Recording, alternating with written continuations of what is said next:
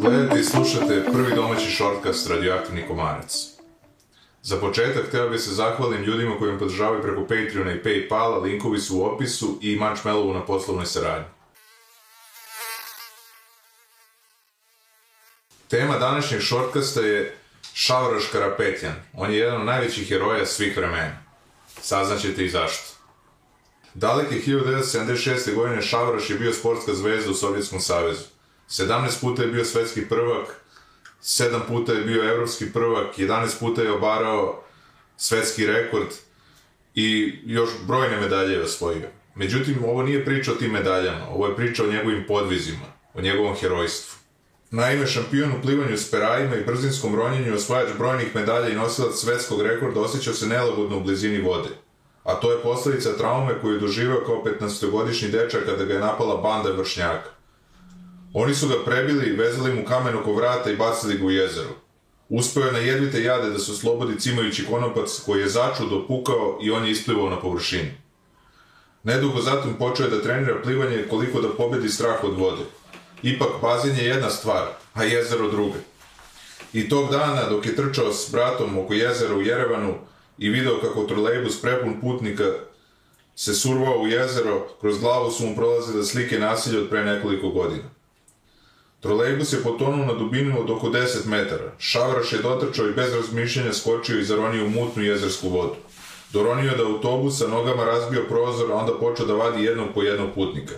Dok je imao snage, izvukao je 30 od 92 putnika, ali je od njih samo 20 preživelo. Isečen staklom prozora trolejbusa, inficiran prljavom vodom i muljem, Šavaraš se onesvestio dok izvlačio 30 osobu. Od posledica za ranjenja zaradio je zapaljenje oba plućna krila i sepsu. Bio je bez svesti između života i smrti čitavih 46 dana. Preživeo je, ali je nažalost njegovoj plivačkoj karijeri tada u 23. godini došao kraj. Kada su ga kasnije pitali šta mu je bilo najstrašnije, Šavaraš je odgovorio Znao sam da mogu da zaronim samo ograničen broj puta i plašio sam se da ću pogrešiti. Dole je bilo to tako mračno da ništa nisam video. Jednom sam umesto putnika izvukao sedište. Mogao sam da spasim još jedan život. To sedište me još uvek progoni u snojima.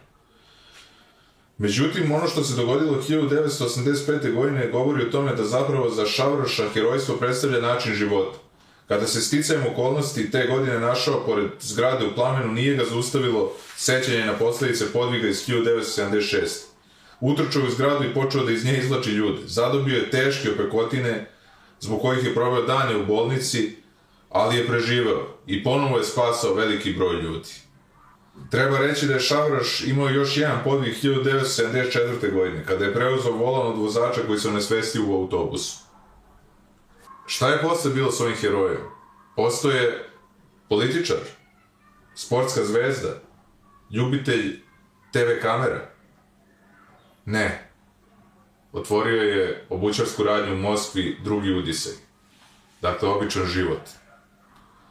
Ali zato kasnije je dobio medalju UNESCO za poštenu igru i junaštvo, a jednom asteroidu su dali ime Šavraš. Deo ove priče kada sam napisao na društvenim mrežama preko jedne, jednog od mojih pratioca stigao je do Šavraš večerke. I ja sam pokušao da stupim u kontakt sa njim, međutim do toga nije došlo, pretpostavljam da je razlog tome njegova skromnost. Do sledećeg susreta sve najbolje.